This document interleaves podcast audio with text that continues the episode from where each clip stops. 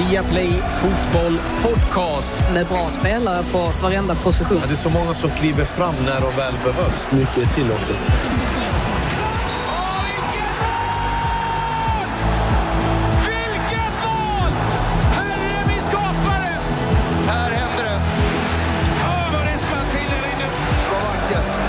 Nej, bästa dagen på året. Det största som har hänt fotbollen någonsin i princip. Hjärtligt välkomna ska ni vara till Viaplay Fotboll Podcast. Ja, vi trummar på med eh, ännu ett avsnitt och det finns mycket att avhandla den här torsdagen. Med mig i studion Bojan Djordjic. Eh, hur är läget? Djordjic. Djordjic. Fint uttal, Klasse. Bocchi. Efter så många års vänskap så förväntar jag mig faktiskt att du ska uttala mitt namn rätt. Det är inget portugisiskt. Det är inget jag heter inte-. Jag heter inte Flintis. Nej, i min telefon heter du Flintis Klasse. Och det är han Frida faktiskt. När Klasse ringer så kommer en bild på en flint. Så är det Klasse. Ja, Jag vet att det kanske inte är politiskt korrekt, men vi är så bra vänner så vad ska jag göra? Det kommer upp en flint. Jag kan säga att mitt, hår började ramla av när efter jag träffade Bojan i Plymouth. Det var då, då började det. Eh, ja, eh, Det var då jag fick min ångest och depression, allt möjligt när jag träffade Klasse Frida, så du förstår ju. Bra vänskap. Men, men vi krigar på här. Och Frida, jag hör att du är nästan som en, en film där hemma hos dig. Mannen på taket. Vad är det som händer i London? Nej, det, det läcker in här va, eh, som vanligt i, i London. Så att det, jag har f- ja, två eller tre scaffolders på taket. Och om, ni, om ni hör några eh, märkliga ljud så får jag skylla på dem helt enkelt. Jag får ni kan backa upp ett par avsnitt där du sa att det regnar ju aldrig i London. Nej, men när det, när det väl... Vänta nu, har jag- du sagt det, Fredrik? Jag har ju försvarat Londons... Jag har försvarat? Lon, äh, vädret i London. För det, är ju ändå en, en lite överdriven myt det här med att det alltid regnar i London. Men när det väl regnar, Då regnar jäklar det in. regnar det. Och då regnar det igenom taket. Så att det är därför de är där uppe och försöker fixa det så att jag eh, kan vara torr om huvudet tänkte jag säga. Men para finns där va? Hyran betalas i London. Det går bra nu Frida! Ja, det vet jag inte riktigt. Men Månadshyra i London det är som ett årshyra här. Ja, typ. Om man har tur. Om man har tur. Om man har Ja, tur. ja eh, vi ska inte hålla oss allt för mycket på eh, Fridas tak här. Vi har en del annat att gå igenom. Bland annat så är det en Solskär som kritiseras hårt för coachingen mot PSG. Vi hör vad norrmannen själv har att säga om varför han inte plockade av Fred. Jack Grealish delar engelska fotbollsfans och experter. Är han geni eller fuskare? Och så bjuder vi på en intervju med Chelseas Tammy Abraham. Mycket att gå igenom, men vi gör som vanligt. Vi börjar med senaste nytt ifrån England, Frida. Ja, det gör vi. Ehm, och ehm, tredje rundan av FA-cupen lottades ju i måndags och det visar sig då att Marine ställs mot Tottenham i januari.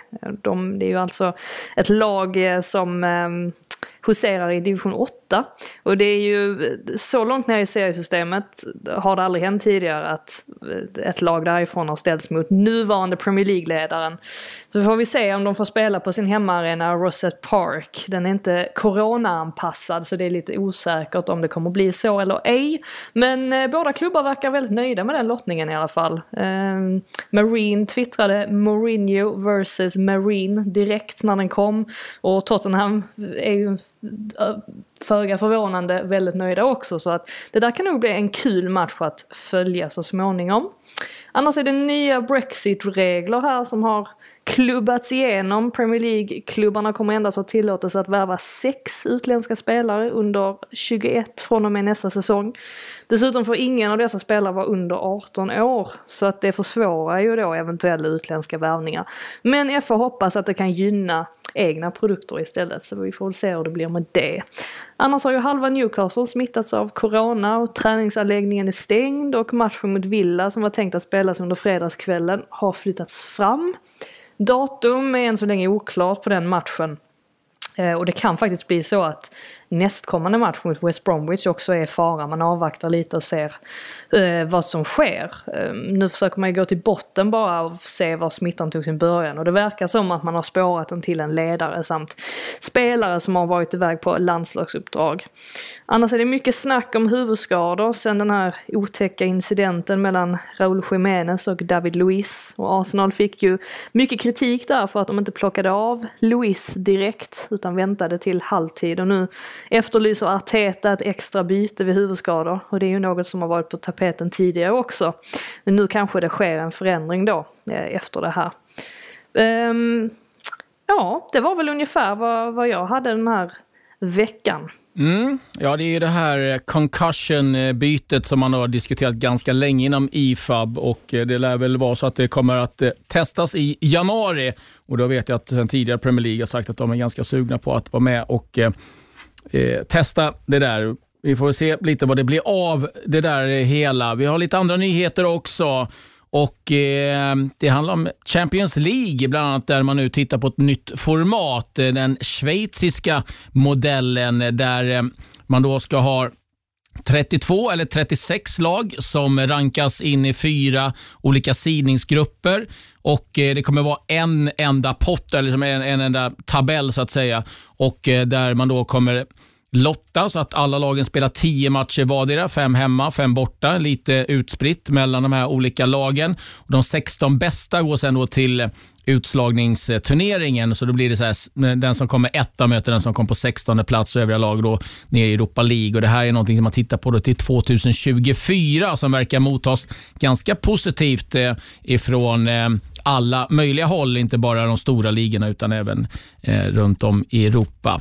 Eh, vi har ju också Carlos Quiroz sparkad som eh, förbundskapten i Colombia efter 6-1-förlusten mot Ecuador. Ecuador! Ecuador, ja. En annan tränare som hänger minst sagt eh, lite rassligt till nu det är Zinedine Zidane eh, som uppges har en vecka på sig ungefär att rädda sitt jobb. Pochettino finns där och eh, lurar. Raúl pratas det om också. Raúl Blanco Gonzales. Vi ska säga också att Pochettino eh, kopplas samman med PSG också och även Manchester United. Så att han sitter nog och myser på sin kammare med en hel del fina jobb som kan rassla in.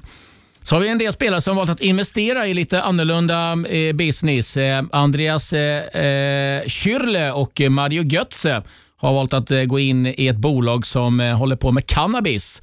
Medicinsk cannabis eh, ska vi då säga. Men, eh, har... Så du skulle öppna någon kebabbutik, någonting? Ja, det, varför inte? Ja, kebab eller cannabis. Det, det finns många min det finns det många, också. Det, många eh, varianter. Eh, så ska vi också säga det att eh, det var ju publik, Frida, i England igår för första gången. Mm. Det tog ungefär någon timme, sen började tränarna gnälla. Det var Lee Boyer som var besviken över att Charlton-fansen var alldeles för negativa och tysta.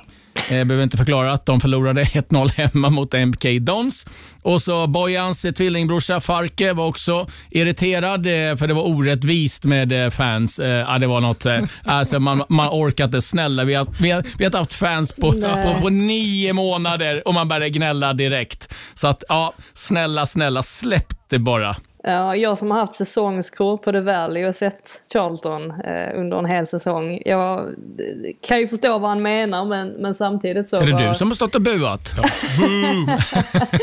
Nej, ja, men precis. Nej, men det, de, visst, de har väl en tendens att vara negativa men man får väl vara glad för det lilla eh, i det här fallet kan man tycka. Eller hur. Eh, David Moyes kan erbjudas ett nytt avtal med eh, West Ham. Det ligger i alla fall eh, enligt rapporten i England på bordet för David Moyes att eh, fundera på. Och Sen så har vi Gail Clichy som har fått ett nytt kontrakt i Servette. Och Bojan, sportchef i Servette, spelare som hade världens bästa agent. Vem pratar jag om då? Världens bästa agent, det är många klasser, men nu vill jag höra namnet. Jag har ingenting jag kan gissa på just nu och skämma ut mig i den här podden. Philippe Senderos. Ja, men sluta, han var inte så dålig. Det var han inte. För att spela i den Jo, det förstår jag, men gjorde. det finns ju värre nu, Klasse. Då var alltså, han Jag unik. hoppas han jobbar med sin agent, för då kommer han få riktigt bra lirare. Eller Hur många landskap för Schweiz och vissa andra som gnäller på Philip Senderos, eller hur? Ja, men... Eh... Så dålig var han inte, Klasse. Nej, okej. Okay. Han var en kanonspelare. Eh... Det var han inte, men jag säger fortfarande, folk hyllar så Ben Mee och de här, de här Burnley-träbenen, men ändå så är det Senderos som är problemet. Ben, Mee, ben Mee var Barres i jämförelse med Senderos. Frida, uh, jag vet inte om vi kan fortsätta den här podden nu. Är du, med, är du på min sida att vi bara lämnar nu? Jag vill lämna Klasse själv.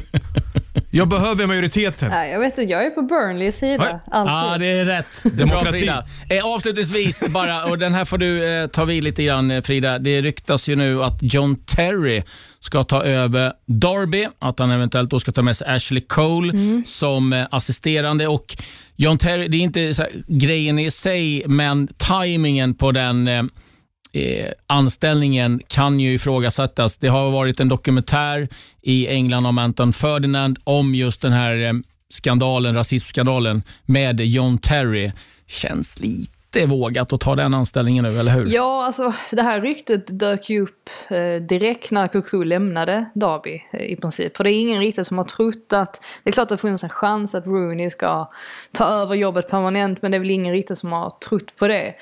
Um, och sen visade det sig också att Villa skulle vara villiga att släppa Terry också. Så att um, på, på det planet så var de tydligen, um, ja så, så fanns det en möjlighet att det kunde ske så att säga. Um, ja nu får vi se vad som händer här precis um, med tanke på allt det som har dykt upp nu. Um, I övrigt så kittlar det väl i så fall, alltså John Terry och Ashley Cole. Det var ju lite intressant uh, när man var på London Stadium i måndag så fick se John Terry ta emot sitt första gula kort på eh, vad var det, tusen dagar eller någonting sånt. Han, eh, han var inte helt nöjd där på, på bänken. Det var väldigt grinigt eh, under hela matchen mellan West Ham och eh, Aston Villa. Vi får se hur det blir, men eh, det råder väl ingen tvekan om att det kommer komma in någon ny i alla fall. Jag tror inte att Wayne Rooney kommer att behålla det jobbet. Nej, på väg med nya ägare också i Derby, är värt att tillägga. Men nu eh, blickar vi lite bakåt eh, faktiskt. Vi börjar med gårdagen eh, där eh, PSG besegrade Manchester United. Den stora snackisen efteråt, det var ju givetvis eh, att eh, Ole Gunnar Solskär valde då att eh, inte plocka av Fred som lyckligtvis undvek ett rött kort i den första halvleken. Men så här sa han dels om den situationen och matchen i sin helhet. Ollie, what do you what do you make of that defeat? Well, it's, it was a very good game of football, uh, which uh, deserved fans, first of all. Uh, two teams. When you see the team sheets, you think there might be goals in this game because there's, there's loads of attacking talent, and I don't think anyone were disappointed. T- chances for both teams, and of course, we. With a bit of more uh, clinical finishing, we should have uh, finished the game like midway, midway in the second half, because I thought that period they were there for the taking. The Marshall chance and Cavani very unlucky to hit the bar as well. Is that what you're talking about? That- Yeah, we had some big chances there, big moments, and that's, you know, that's uh, the difference when you get to the big games, the the clinical moments, and yeah, you can say all the possession in the middle and the, which team dominates, but games are always decided either end of the goal. It turned in a handful of minutes in the second half. The PSG goal, Fred off, Rashford injury, all happened pretty close together. Yeah, yeah, yeah. But that's uh, you know, tight in, in games like this, and uh, if Marquinhos had bigger studs on, he would have been offside. That's a marginal decision as well. So it, sometimes it's uh, you can't really uh, put your finger on what's uh, what's the deciding factor. Today they they would have looked at no better team because they score. Uh, but I thought both teams played really well. In the first half, Fred escaped with a red card, do you think, with the headbutt? I, Ed Fred shouldn't put his head towards him. I don't think he touched him, but he, he still you don't do that. So he's a bit lucky. Yeah, it's either nothing or uh, or a red card. And he got a yellow. It was a strange. Yeah, it- but you know, uh, I thought maybe he was a bit lucky to stay on when the referee uh, decided to give him anything. Did you think of taking him off at half time because Yeah, that? yeah, yeah, and maybe. But Fred has played really well, and he pr- played really well. We, we spoke about uh, staying calm, staying on your feet, and the second yellow card is nowhere near a foul. So, uh, Ander knows that as well. He definitely knows. Update us on the Marcus Rashford.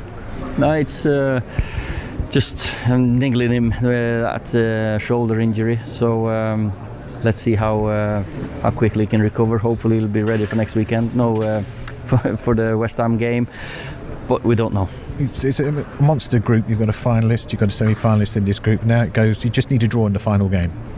Yeah, but just the, we go into a game of football wanting to win it. I think these games against PSG and Leipzig at home, it showed how much we've developed. I think the team is uh, has developed in these uh, types of games, and uh, just about some finishing today, and then we'd be smiling. Ja, Bojan, vad säger du om det du hör av Solskär? Nej, det enda jag är besviken över det är just bytet på Fred. Fred borde ha varnats ännu tidigare innan han satte sitt huvud mot. Och regelboken säger han gör ju en rörelse. Han ska ju åka ut. Det är rött kort. Men Orsato ger honom bara ett gult. Och då måste han upp med Paul Pogba. Sätt in honom in i halvtid. Varför riskera? Du har ju resultat med dig. Det står 1-1. Han är på gränsen hela tiden. Han är som våran maskot, Fred the Red. Jag tror Frida var också inne på Twitter, eller hur Frida? Det var verkligen Fred the Red. Ja. Om man sitter där, men snälla Olle, byt ut Kahn! Byt ut honom! Du har Paul Pogba på bänken, sätt in honom! Nej, och det blir ju kostsamt. Och sen bytet av Cavani minut 79. Om det är någon som ska skapa det, om det är någon som ska göra det med rörelsemönster, den formen han visade mot Southampton, även under matchens gång, då är det Cavani. Så det är två saker jag är väldigt besviken över. Jag tycker att man tog sig an andra halvleken väldigt bra.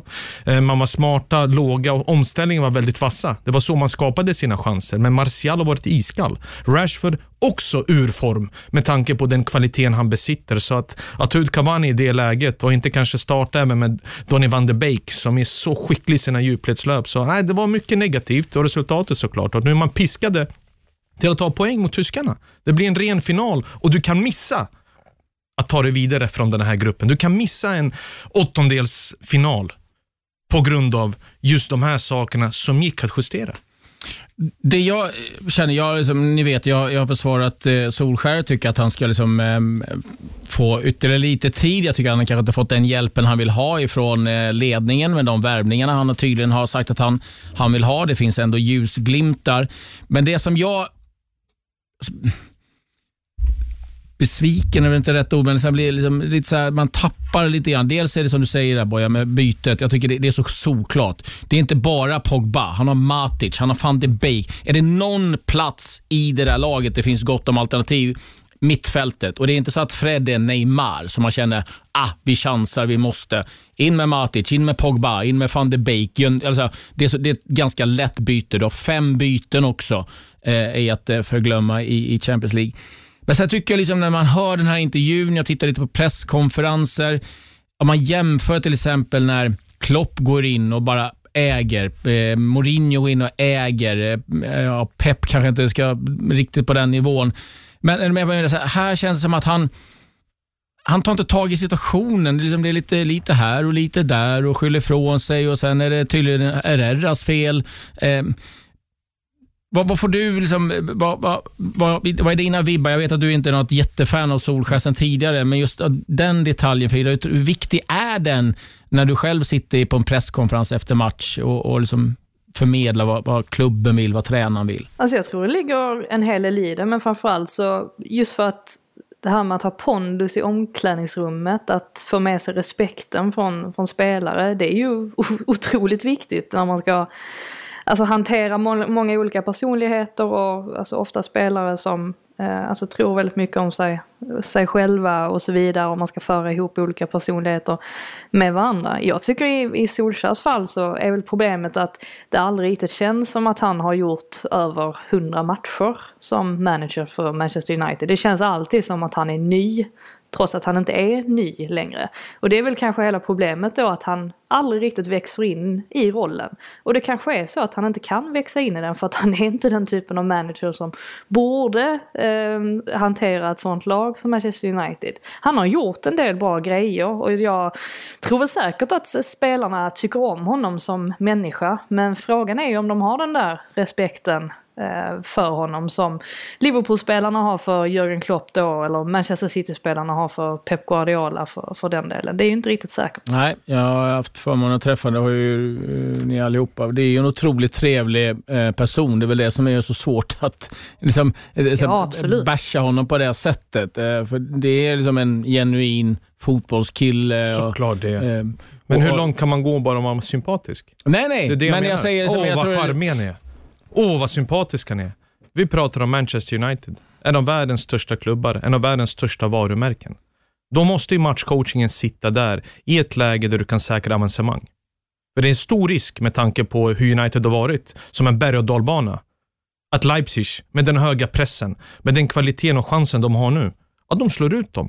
Och då har de misslyckats. Vill man som United-supporter återigen sitta i Europa League?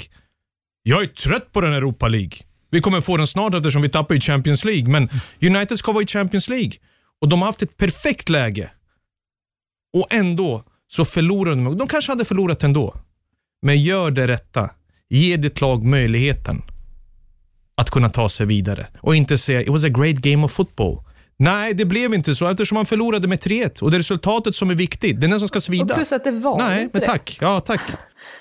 Alltså spelmässigt så var det ju inte alls bra. Alltså från något av lagen. Det var ju ingen välspelad match. Däremot så var det ju underhållande. Det kan jag, det kan jag köpa eh, om man tyckte det. Mm, det finns en del att fundera på. Martial hade jag väl kanske satt på bänken ganska länge. Jag Fan vad iskall han har varit. Herre Jesus. och så trött han ser ut. Så Men så oinspirerad. på, på så ett par månader plötsligt bara tappade och det är det man menade med Martial. Man kan inte längre klassa honom. Talang, talang, han kommer. Det finns ju så mycket där. Men när du spelar United, då måste jämnheten vara där. Och det är ingen som är på den nivån. Det är bara en spelare och det är Bruno Fernandes. Utan honom faller det här laget ihop som ett korthus. Han är den enda som har den riktiga jävla mentaliteten, som driver fram, som inte är nöjd med ett kryss. Det är vad United-spelare ska vara. Du såg ju när vi gjorde 2-2 mot Southampton. Vissa var ju skitglada. Jag tänkte, vad är ni glada över? En poäng borta mot Southampton. Hämta bolljäveln och sätt dit trean. Han är den enda som reagerade på det, Klasse. Och det är sådana spelare jag vill i mitt lag. Även när han inte har sina bästa matcher så står han fortfarande för det kreativa framåt. Mål eller assist. Utan honom, det finns ingen mittfält och det finns ingen offensiv. Ja, för det finns ju två spelare som eh, är någonting som är väldigt positivt i United. Det är Fernandes som du pratar om, så är det ju också en viss Edison Cavani.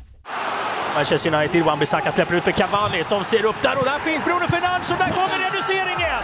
Bruno Fernandes, vem annars? United är på kvitteringsjakt till att börja med. Bollen in där undanboxat McCarthy, det blir skottläge för Bruno Fernandes som blandar och skjuter. Och Cavani gjorde 2-2! De är på gång nu, Manchester United! Det är eh, två spelare som verkligen sticker ut i, i det här United. Hur viktigt tycker du Frida att, eh, ja, Fernandes, det vet vi, men det du har sett av Cavani? Alltså, det man kan konstatera är ju att det är en väldigt professionell spelare rakt igenom. Förutom då möjligtvis på sociala medier där han har en, en del att lära. Men vad gäller eh, alltså, eh, träning och alltså, återhämta sin, sin kropp och hur han har skött hela den biten sedan han anlände till Manchester United så vittnar ju de flesta om att han är på en otroligt hög nivå på det sättet.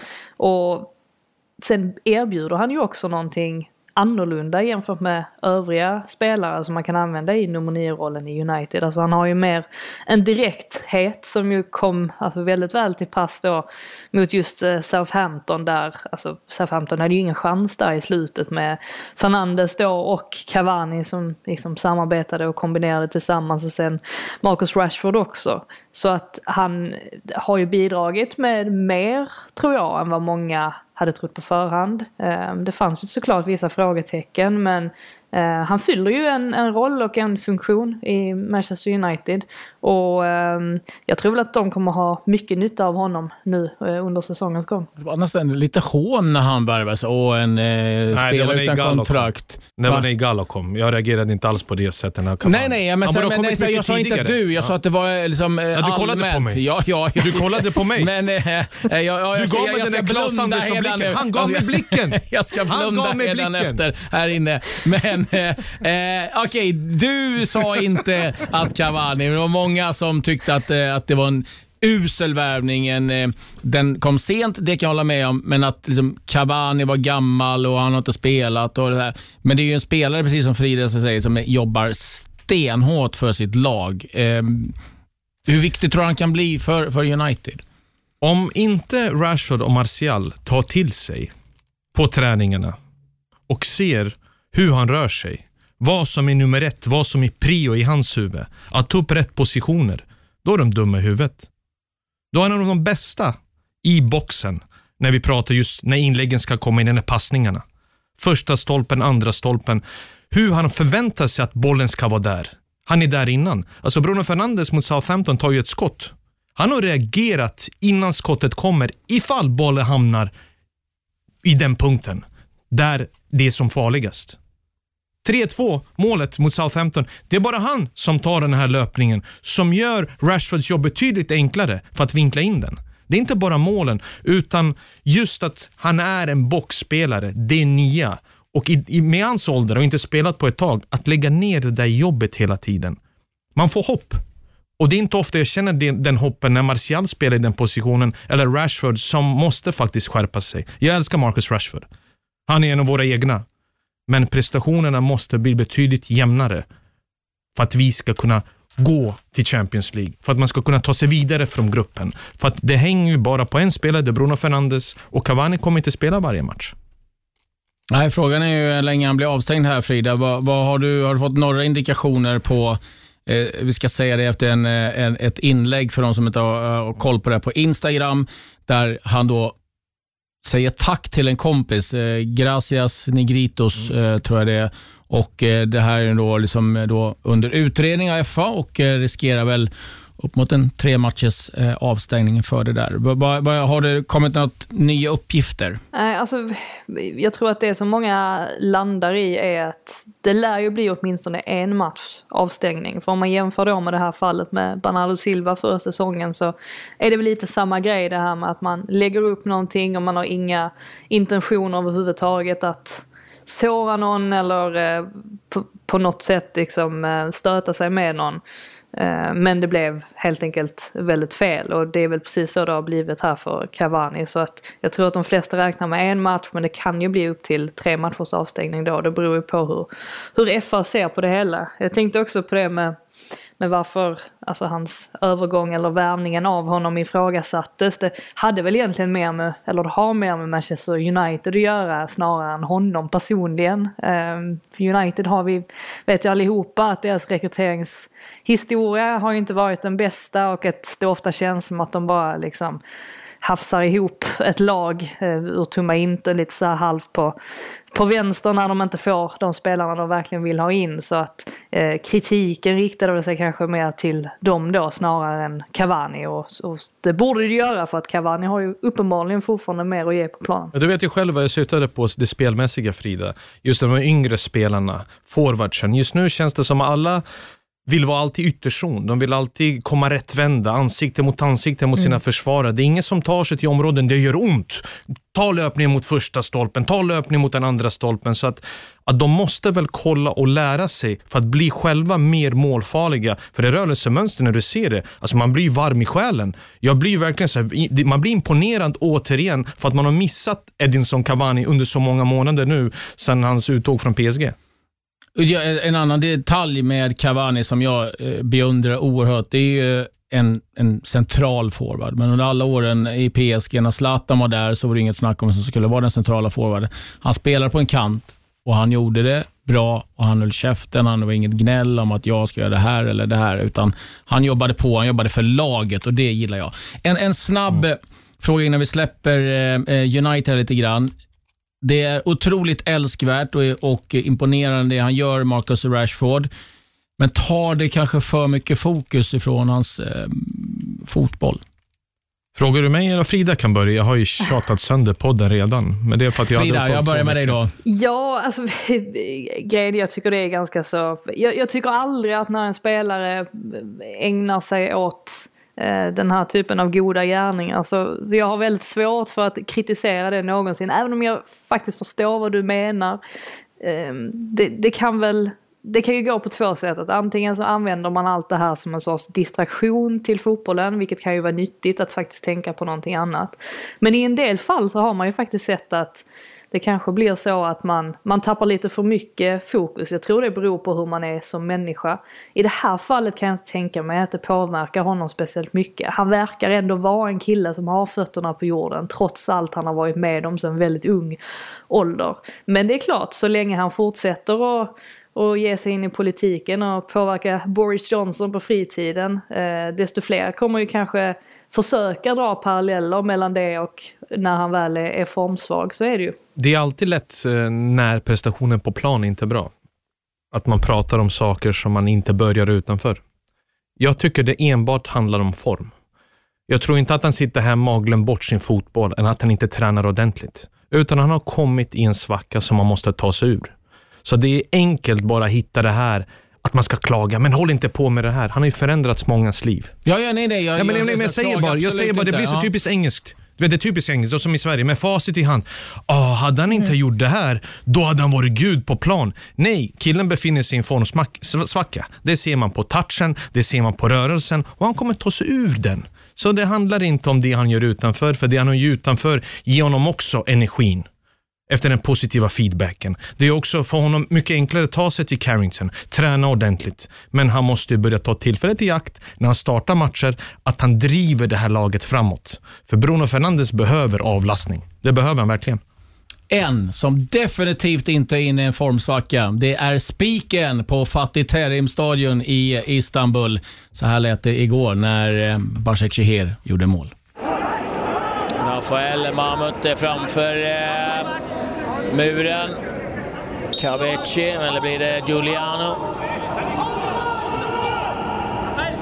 Cavecci. Oh!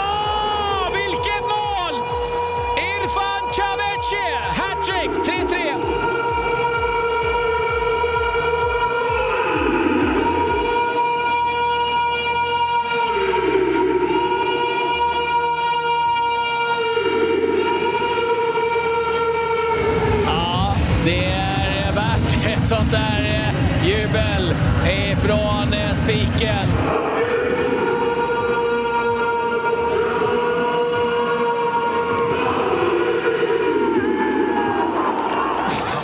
Han var i superform. Han, gjorde, han kom igång eh, till andra målet, men när 3-3 målet gick då, då, då tappade han det helt. Varför blev du tyst? Du borde också haka på. Goal! Jag Ja, men jag vill ju bara lyssna. ju. Jag vill bara lyssna och njuta. Och det, är alltså, det är inte en käft på stadion och han bara går bananas. Alltså, jag kan ju tänka när det är publik där. Aj, underbart. De har väl inte så mycket publik. Var det så på West Ham Stadium? Eh, Nej, nej, det var, det var lite lugnare. han är van att köra utan. Det, det enda man hörde på, på London Stadium det var ju Dean Smith när han eh, fick nog. Eh, jag vet inte vem det var på West Hams bänk som irriterade honom. Men, eh, så det var mest en massa, massa svordomar som hördes under de 90 minuterna. Nej, men de svär inte så mycket i England. Bara, bara, bara, bara, bara. Ja, fast det här, var på, det här var på en annan nivå. Det här var liksom inte det vanliga så här, engelska, engelska liksom, när man använder F-ordet. Utan det här var verkligen F-ordet i varannan mening Och ett P-ord hela kom där också. Ett P-ord kom också. You little P! Mycket möjligt. Ja, min favorit är twat. Nej, det, nu var du Ja. snäll, för det gick ju att säga i podden. Du vill inte säga nej, för nej, mycket. eh, men, Jag vill eh, inte säga mitt. det- det- jag kommer det- bli avstängd för podden. Jag kommer få tre inspelningars avstängning här. Nej, vi stänger aldrig av det Bojan. Men en, en annan spelare som eh, hamnat i fokus, det är eh, Aston Villas Jack Grealish. Snabb kontroll över bollen. Han kommer in i ett bra skottläge. Grealish, och vilken pärla! 1-1 för Aston Villa. Jack Grealish. Ja, framåt vet vi att han är oerhört skicklig och eh, det är lite av Englands gunstling nu, men han väcker också väldigt mycket känslor, framförallt efter eh, filmningen, en horribel sådan i matchen eh, mot West Ham. Och Frida, som sagt, du var där och det har varit eh, heta debatter om, eh, om Grealish och den här filmningen. Ja, alltså pressläktaren på London Stadium den är ju belägen väldigt högt upp. Så att eh, alltså det ger en utmärkt överblick av själva spelet men vissa detaljer ser man inte riktigt på så långt avstånd. Så att det dröjde ju ett tag också innan man fick se reprisen kring den här situationen. Så att alla satt ju på helspänn på läktaren och, och ville liksom se vad var det som fick Grealish att falla till marken. Och när de väl dök upp så gick det som ett liksom, så argt slash förbluffande sus som bara gick genom hela pressläktaren. För visst, det fanns väl kontakt men det var ju helt uppenbart att Grealish förstärkte väldigt grovt. Och det som är komiskt just i det här fallet det är ju just det här Grealish har seglat upp som nationens favorit här på sistone. Och så gör han något som engelsmän generellt föraktar så djupt. De tycker ju oftast själva att de inte, liksom, är det här inte någonting engelsmän håller på med, det är, det är sydeuropéer och alla andra. Så att Eh, det smärtade nog en del som har satt honom eh, väldigt högt. För i, i övrigt så eh, gjorde han ju en, en väldigt bra match. West Ham hade ju jättestora problem med att eh, försvara sig mot honom. Men en liten törn mot, eh, mot självbilden eh, gentemot eh, alltså England som folk och eh, Grealish själv också. Och den som skyddar honom har ju sagt att man han förutsedde att han skulle bli nedsparkad. Därför eh, gjorde han det. Rör inte Jack Grealish. Du vet, det är min grabb. Han ingår i min armé. Jack Grealish älskar jag. Han är en artist. Jag förlåter honom för det där. Det händer. Engelsmän är väldigt speciella. Det föraktar de när folk filmar. Men de bryter folks ben och kommer i tacklingar lik Jordan Pickford och sätter en spelare i nio månader. Det glömmer man efter ett tag. Det skiter man bara i. Get stuck in, get stuck in. Vad är det get stuck in? Spela fotboll. Jag förstår, han filmade, lämna det. Det han gör, säsong in, säsong ut, Speciellt den här, det här året. Han bär ju hela Aston Villa. Han gör det med sån lättnad. Det är som att han spelar med småbarn ibland. Rör bollen åt rätt håll och tänk dig vad folk i England blir irriterade. Frisyren är perfekt, strumporna neråt, han har knappt benskydd, inoljade ben. Det är det värsta engelsmännen vet och då vill de gå in på Jaggerish, men det går inte att komma åt honom. Och tänk dig en större klubb med bättre spelare när han får avlastning. Han kommer skina ännu mer. Så att Jack Grealish lämnar vi åt sidan. Som sagt, han är min grabbklass. det jag vet att... Men det är ju det som är grejen, att det, det är ju ingen som stör sig på de grejerna ändå. Man hade ju kunnat tro det där med alltså, som du säger med håret och mm. det här att han ibland ser ut att ha lite loj attityd. Men alla har ju svängt i den frågan. Alltså, det är ju, Jack Grealish är den mest hyllade personen här i England efter Marcus Rashford typ just nu. Alltså det är ju, det blir ju väldigt tydligt då alltså i landslagsdebatten att alla helt plötsligt, att Harry Redknapp ville att laget skulle byggas kring honom. Alltså det har ju blivit en så otrolig hype. Så att eh, på det sättet så Um, ja, alltså jag tror inte det här kommer förändra någonting. Men som sagt, det var väl en liten törn. Jag vet att du gillar Jack Grealish, Frida, eller hur? Ja, vem, men vem gör inte ja, det? det? Finns... Alltså jag, jag, kan ju tycka att hans, hans omdöme är ju inte alltid Nej. helt hundra utanför planen. Men eh, ska man liksom fokusera på det han gör på en fotbollsplan så råder det ingen tvekan om att han är ju en av ligans, alltså hela ligans bästa spelare. Bra vader också, Jack Grealish. Väldigt bra vader. Absolut. Pratar du vad Hulken har bra vader? Eller Hulk. Man rör sig. Eh, men alltså, det som är, jag tycker är intressant, när du är inne på det Frida, det är liksom att nu spelar det nästan ingen roll vad han gör utanför för att han liksom har eh, återigen hamnat i, i klammeri med rättvisan efter eh, eh kött. Eh, inte alltför smart utanför träningsanläggningen. Vi har den misstänkta rattfyllan under lockdown. Eh, det där är som, ah, det, det gör ingenting. Och liksom, nu börjar man ta fram, eh, jämföra honom med eh, Gascoigne och, och så vi vet hur som älskad Gascoigne var i, i engelsk fotboll och vad ska han göra nu? Där? Så jag såg senast idag att eh, Aston Villa har lagt en prislapp på 100 miljoner pund ehm, eh, på honom för att försöka skydda honom. Vad, vad, tror ni? Blir han kvar i Aston Villa? Älskad, det är hans klubb. Det är en klubb som har pengar, det vet vi. Kan bygga vidare. Eller kommer han gå till någon av de stora? Han kommer gå till en av de stora. Eh, klubbadressen blir väldigt viktig för honom att komma till ett lag som faktiskt spelar fotboll, som har ett eh, större bollinnehav och där han får vara kring motståndarnas straffområde ännu mer. Eh, debatten har ju alltid varit, men kommer han klara av att spela i en större klubb med spelare som kommer ta luften ifrån honom? Han kommer njuta av det. För du ser ju själv när han har spelare som är på samma våglängd, även när han spelar för engelska landslaget, hur han då släpper bollen i tid, passar, följer sin egen boll. Så det är inte bara det här kreativa en mot en spelet, utan hela spelet i sig, att Jack Grealish som fotbollsspelare mår bättre av spelare av samma kaliber. Då kommer han skina ännu mer. Så jag tror det är sista säsongen i Aston Villa, tillsammans med Douglas Luiz, så tror jag de kommer lämna och Aston Villa kommer få stora problem. För de två är eftertraktade, för de är så pass bra. Vilken klubb hamnar ni i Frida? Det såg ju länge ut att bli Manchester United men de känner väl inte att de har eh, sådär jättestort behov eh, av honom eh, just nu. Eller det var väl därför de valde att inte, inte gå hårdare efter honom. Alltså jag tror ju att prislappen kan bli ett problem. Det är ju inte jättemånga klubbar som har möjlighet att hosta upp typ en miljard om det nu är vad, vad Villa eh, kräver. Så att jag vet faktiskt inte. Alltså den klubben man man skulle kunna tänka sig är ju typ en sån som Chelsea eftersom att, alltså nu kom det ju rykten om Lionel Messi dit till exempel. Så att, alltså så länge inte de ryktena är helt tagna ur luften så är det väl en indikation på att det kanske finns pengar där fortfarande att kunna värva den typen av spelare. Men å andra sidan har de ju också spelare i överflöd. Så att, ja, jag, jag vet faktiskt inte, jag är, jag är lite osäker just nu um, hur det kommer att sluta. Mm, det finns många klubbar som är intresserade, men United, Bojan, har ju McTominay. Oh, nästa punkt. Hämta Jack Grealish, låna pengar igen, ge oss mer skulder bara vi får se någon som kan faktiskt behandla en boll. Vi går till nästa punkt, Oh, för det klass. är dags för tipshörnan.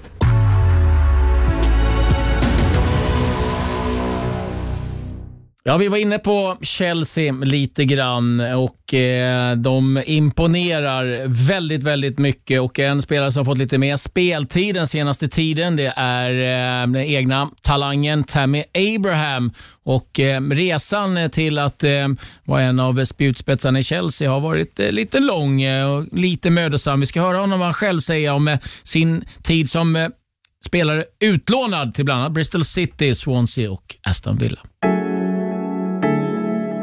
I dreamt it as a little boy, and uh, you know, still feel like I'm dreaming till today. Um, you know, been at the club since the age of seven.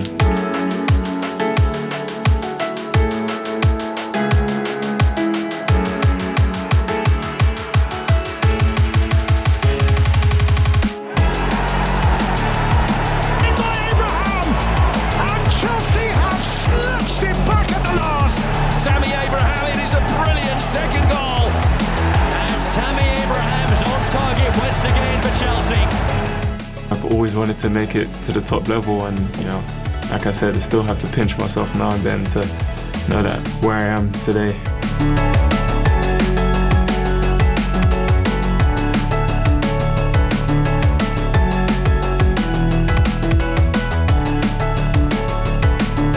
It was amazing. I remember it like it was yesterday. Um, it was my first experience of you know men's football. Obviously, I had my debut at Chelsea, but this is my first full professional season, and you know I couldn't ask for a better first loan. You know, I went to a different area, moved away from home for the first time. It was a bit different, but I enjoyed it. You know, scoring goals and you know witness, witnessing fans and being at stadiums. It, it was an incredible experience. When you're at a club so long, um, especially in the academy, you never get to, you know, experience the other side of football, and uh, it gave me a life lesson. You know that, you know, playing for three points and playing for position in the league and looking after yourself because there's game after game after game, and you know, it gave me the experience. Like I said, moving away from home as well. You know, learning how to cook for myself. You know, going to bed on time it just makes you become a man even quicker. So it gave me that experience.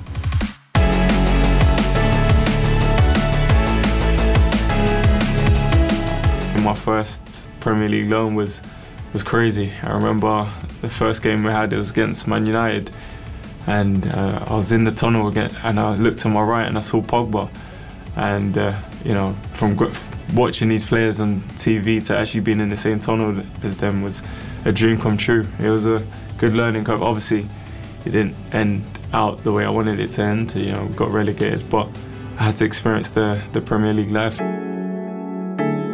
I remember, you know, the change room, as you can imagine, was down, and uh, you know we lost a lot of confidence because we kept losing towards the end of the season, and we knew it was important. And uh, you know, I remember, you know, being in the change room and no one's speaking before the game. You know, everyone's trying to get into focus mode, and you know, I'm a person that's you know bubbly and I'm a character around the change room, so it was a bit weird for me, you know, to you know be quiet and you know try and focus. Of course, focusing, but you know, I like to have a little banter before a game as well. But it was more serious, and you know, I had to I had to learn the other side to the game as well.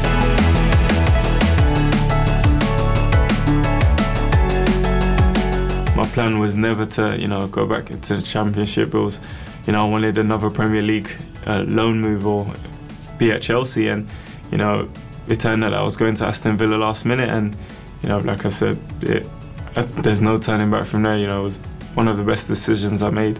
I didn't realise how big Aston Villa was until I actually actually went there, and you know, from the get-go, they made me feel welcome. I enjoyed my time there. You know, like I said, Villa will always have a place in my heart. I think you know you need the experience going out on loan. You know, as a young kid playing in men's football. You know, in at the top level, and you know, I, I remember going into games. I was I was getting kicked. I was getting scratched and all sorts. And you have to learn the ugly side of, of football as well. And uh, it really prepared me and know, knew what I had to come back and do.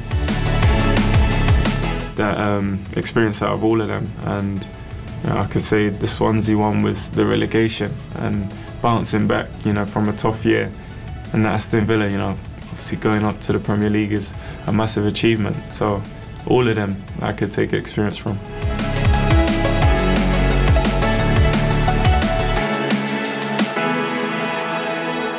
Lågmäld, ödmjuk Tammy Abraham, anfallare i, i Chelsea, och som pratar om sin tid när han var utlånad. Och Bojan, eh, du var Manchester United, jag vet att du var på lån, Sheffield Wednesday, mm. Århus, Röda Stjärnan. Hur, hur mycket av det han pratar om känner du igen? Allting. Och det var faktiskt eh, det var väldigt skönt att höra den här rösten, ödmjukheten, hur lågmäld han var. För det var absolut inte jag. Men första lånet minns jag ju. Skulle fylla 19, Sheffield Wednesday. Det är ändå en stor klubb, men klubb som hade åkt ner till the Championship. Första matchen, Hillsborough, där han pratar ju om oss fans.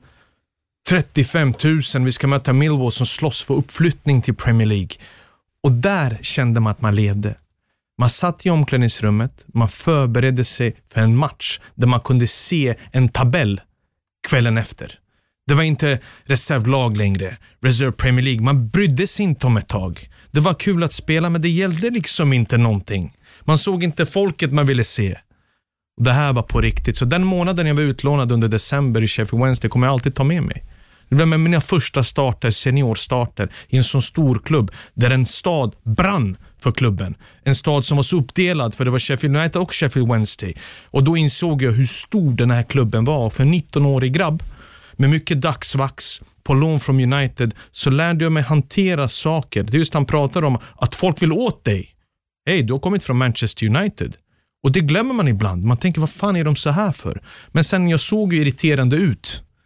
Om du förstår, som Jack Grealish nästan. Mm. Allt var på plats, min tröja var aldrig smutsig, jag gav mig inte in några dueller jag inte behövde. Utan det var vänsterfoten, det skulle dribblas, tunnlas, slås inlägg. Första matchen, inga problem, Hillsborough. Bäst på plan. Nästa match, Gillingen borta. Gillingen var kvar då i Championship Division. Klasse det är mina värsta 90 minuter jag haft. Varje gång jag fick bollen så låg jag utanför linjen. Kunde inte resa mig, låg utanför linjen igen. Och den här högerbacken, jag tänkte först, jag tänkte fan alltså, han har ju käkat på den här killen, det kommer gå undan. Jag lovar dig att jag inte minns någonting förutom att jag aldrig haft sån smutsig tröja i mitt liv. Och när jag satt på bussen hem jag tänkte ah, jag måste ringa Sir Alex. Jag vill hem. Jag vill hem. Så här ska det inte vara. Det är ingen som skyddar mig. Så att man lär sig väldigt mycket av det. Så att de här lån, lånen man har haft har verkligen gjort mig starkare. Jag har sett olika divisioner, jag har sett olika länder, olika kravbilder. Men det man inte ska ta för givet, det är när man blir utlånad så får man inte tycka synd om sig själv. Man får inte tycka och tro att man är bättre, för det märks i ett omklädningsrum.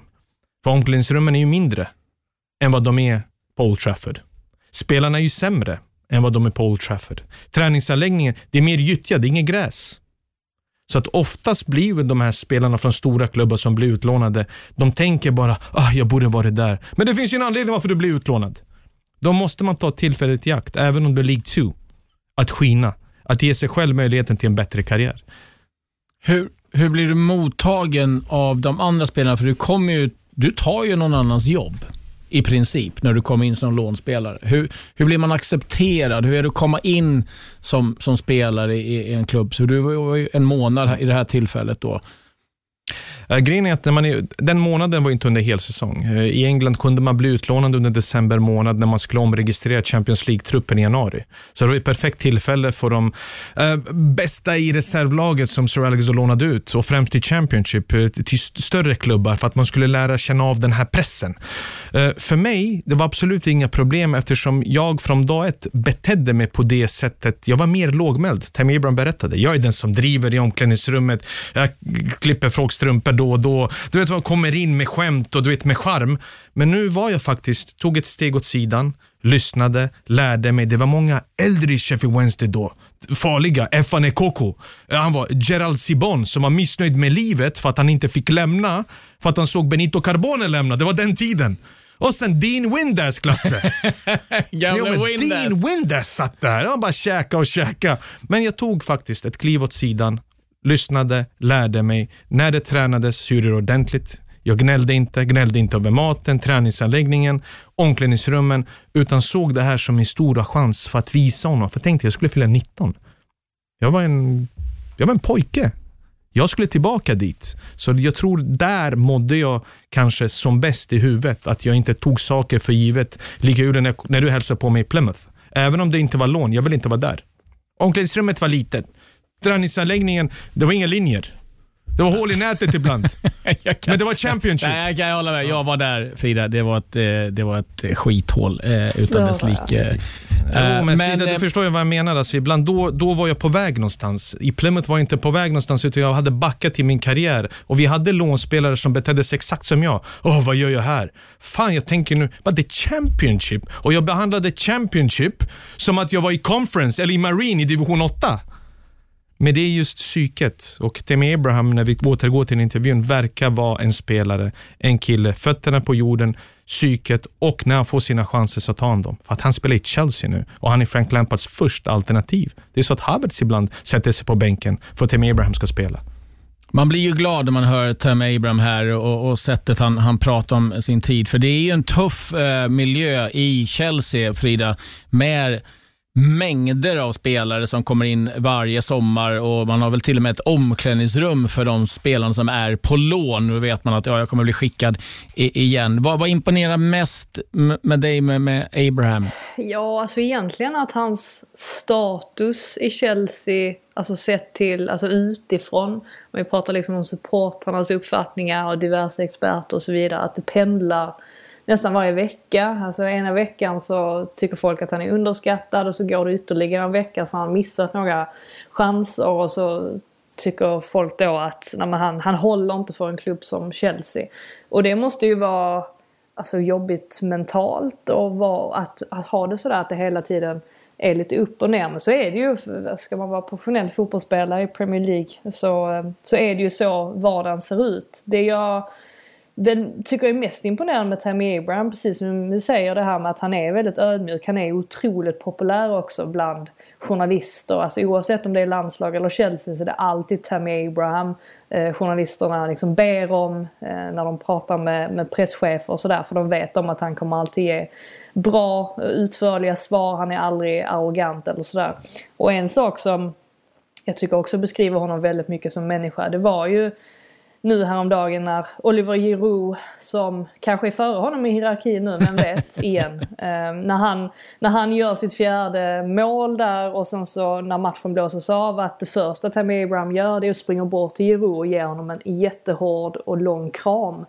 Ja, det visar ju att visst, de konkurrerar om samma position men Tammy Abraham sätter ju uppenbarligen laget före jaget och det är väl precis den typen av spelare som Frank Lampard vill ha i sitt, eh, sitt lag också. Så att jag tycker definitivt att han fyller en funktion. Eh, sen är det väl klart att han, han missar ibland lite för mycket och sådär men han är ju ung fortfarande så att det finns ju fortfarande stor utvecklingspotential.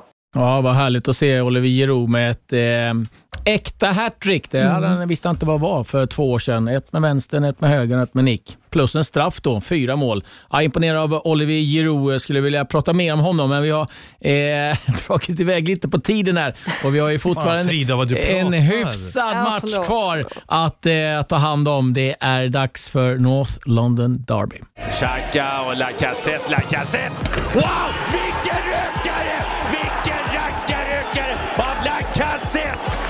1-0, Tjong i medaljongen. Och så är det sån som tar bollen av Luis. Och titta här, vi har 1-1. Vilket derby! Ja, det brukar kunna hända saker och eh, det är Tottenham som toppar Premier League. Eh, samma antal poäng som Liverpool. Vi får blicka ganska långt ner, en del, del scrollande, hitta Arsenal på en 14 plats. Och, eh, ja, vi var inne på det lite tidigare, Frida. Du sa väl att det kanske inte är någon ödesvecka på så sätt för Arteta, men det är ett tufft läge för spanjoren. Ja, så är det. Jag tror väl många blev lite oroliga också på presskonferensen efter matchen mot Wolves. Att Arteta började prata om en massa inlägg, att, de, eh, att bara de fortsätter slå så många Mm. inlägg så, så kommer målen komma. Och jag antar att folk drar väl mer paralleller till David Moyes än Pep Guardiola när någon säger någonting sånt. Å andra sidan så hade Arsenal 33 inlägg totalt sett. Ehm, men ja, fick ju ingen utdelning på Som det. gick ja, fram. Men, men precis. Eh, Och fick ju ingen, ingen utdelning på det. Var väl nära ett par gånger där. Bland annat när Cody väl får bort bollen i sista stund. Annars hade ju Aubameyang varit helt friställd. Så det är ju små marginaler också. Men ja, alltså det är klart att han är, han är pressad. Ehm, um, sett till att de får ju inte resultaten med sig. Men en stor del, alltså en stor anledning till det är ju säkert också att Aubameyang gör inte mål längre. Alltså innan 2021 så gjorde han ju mål var 128 minut. Och alltså det är ju alltså, det gjorde ju honom till, vad är det, femte bästa mål per minut snittet i historien för en fotbollsspelare. Och så den här säsongen har han gjort två mål på 897 minuter. Trots då att han, att han har varit inflyttad eh, centralt som ju många har efterlyst länge att han, de har velat se honom i den rollen. Men problemet är väl egentligen inte att han, jo dels att han gör lite mål förstås, men han är ju också så otroligt lite involverad i spelet. Alltså mot Leeds rörde han bollen tre gånger i offensivt straffområde. Jag tror det var totalt mot Wolves 23 gånger han rörde bollen. Och det är ju inte tillräckligt. Um, sen derbyt mot ett formstarkt Spurs, det är ju en match där man kan tänka sig att han kliver fram och det, det behöver de verkligen för att jag tror väl också att om målen väl, väl börjar rulla in så kan de väl skärpa till defensiven igen för den har ju trots allt sett ganska bra ut om man bortser då från eh, de eh, senaste matcherna här. Det jag reagerar en del på när jag ser Arsenal och när jag ser Aubameyang, Lacazette, det är liksom att det känns att de nästan ser trötta ut på det. Jag kan liksom, någonstans kan jag förstå vad när man ser Xhaka stå och knacka tillbaka bollen hem till mittbacken och mittbacken ut till en ytterback och sen tillbaka igen. Och ingenting att jobba med och det är ändå han som får stå och ta skit. Liksom, är han för försiktig, Bojan Arteta, med alltså, att våga liksom släppa loss? Och, Nej, men jag tror han vill ju släppa loss. Man hittar den inte rätta balansen på centra, centrala mittfältet. Artetas lag, likt Peps, bygger ju väldigt mycket på de centrala mittfältarna, övergångsspelarna. Så att genom en speluppbyggnad som har blivit bättre under Arteta än Emery, så hittar man centralt, men sen går man igenom med nästa lagdel. Men det tar ett stopp för dem. Alldeles för många som inte vågar riskera passningen framåt, alldeles för många touch på bollen som centrala mittfältare, blir att resten av spelarna blir stillastående. Aubameyangs fall vet han inte när bollen ska komma i djupet. När kommer inlägget? Kommer den kort? Kommer den djupt? Så där är det stora problemet och därför blir de så långa i deras omställningar, defensiva omställningar mellan lagdelarna som vi såg ju mot Wolves och matcherna innan. Där måste de hitta tillbaka till energin. Intensiteten har jag saknat. Hungern har jag saknat. Visst, det kommer några halvchanser mot Wolverhampton, men jag sitter hemma och det känns inte farligt. Det ah, kommer det komma, men så fortfarande har du en känsla när Wolverhampton ställer om, då kommer de straffa dem. För det går undan. Skickligare mönster i det offensiva spelet måste Arteta kräva. Det kommer ta tid. Det är fortfarande inget frågetecken i mitt fall när jag pratar om Arteta. Jag vill att han ska lyckas och jag vill att Arsenal ska ge honom möjligheten att bygga hans lag, hans klubb, att hämta spelare som gör Arsenal bättre.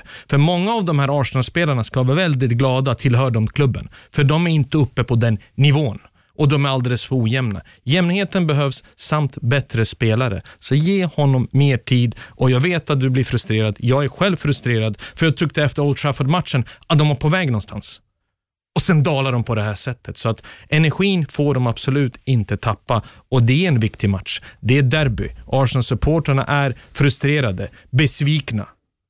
Ett resultat måste komma och ett resultat skulle innebära lugn och ro och någonting att se fram emot. Jag vet att jag, jag har tjatat om det här och, och äh, låter som en gammal dålig skiva, men när, när jag ser, jag vet att varför han ha, har gjort det delvis, eh, men när jag ser Eh, Ceballos på plan, då undrar jag, vad är det som han erbjuder som då han tycker att Mesut Özil absolut inte kan erbjuda? För att det kladdas på bollen och det är omständigt, men det händer i stort sett ingenting. Jag vet att Özil kan inte pressa, han kan inte göra det här. Men är det någonting så kan han i alla fall leverera en passning som det händer någonting. Det skapar någonting. Det är någonting att jobba för med, med Aubameyang, eh, Lacazette, vem det nu är som, som spelar där framme.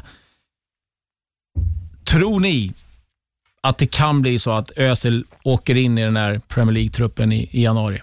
Vad säger du Frida? Eller är det bara jag som hoppas på att få se honom på plan igen någonstans. Även om han kan bli, jag höll på att säga gråhårig, jag har fått grått skägg av Özil.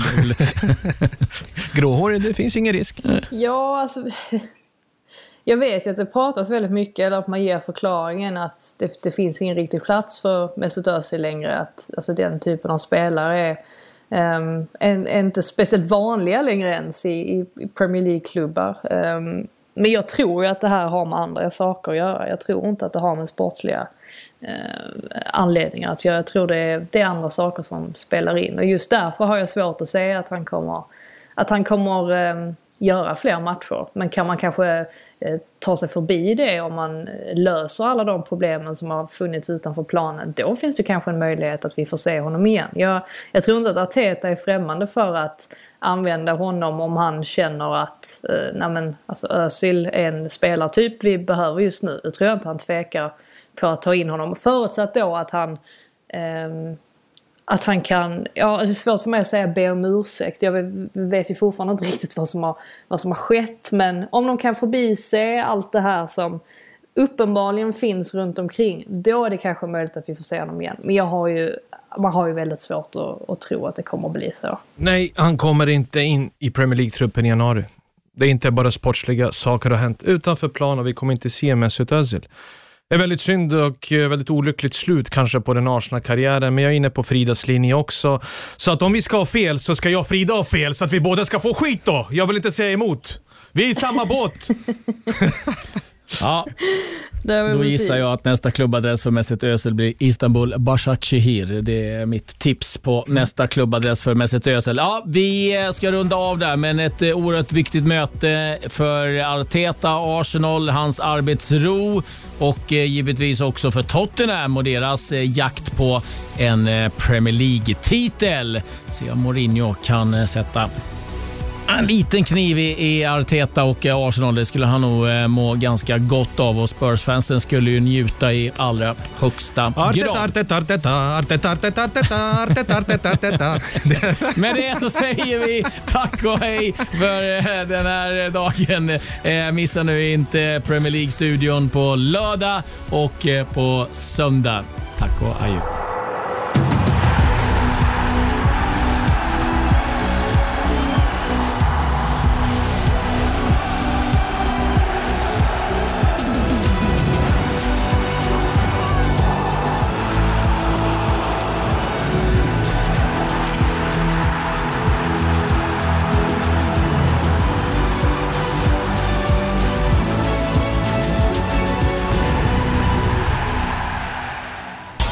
Produceras av I Like Radio.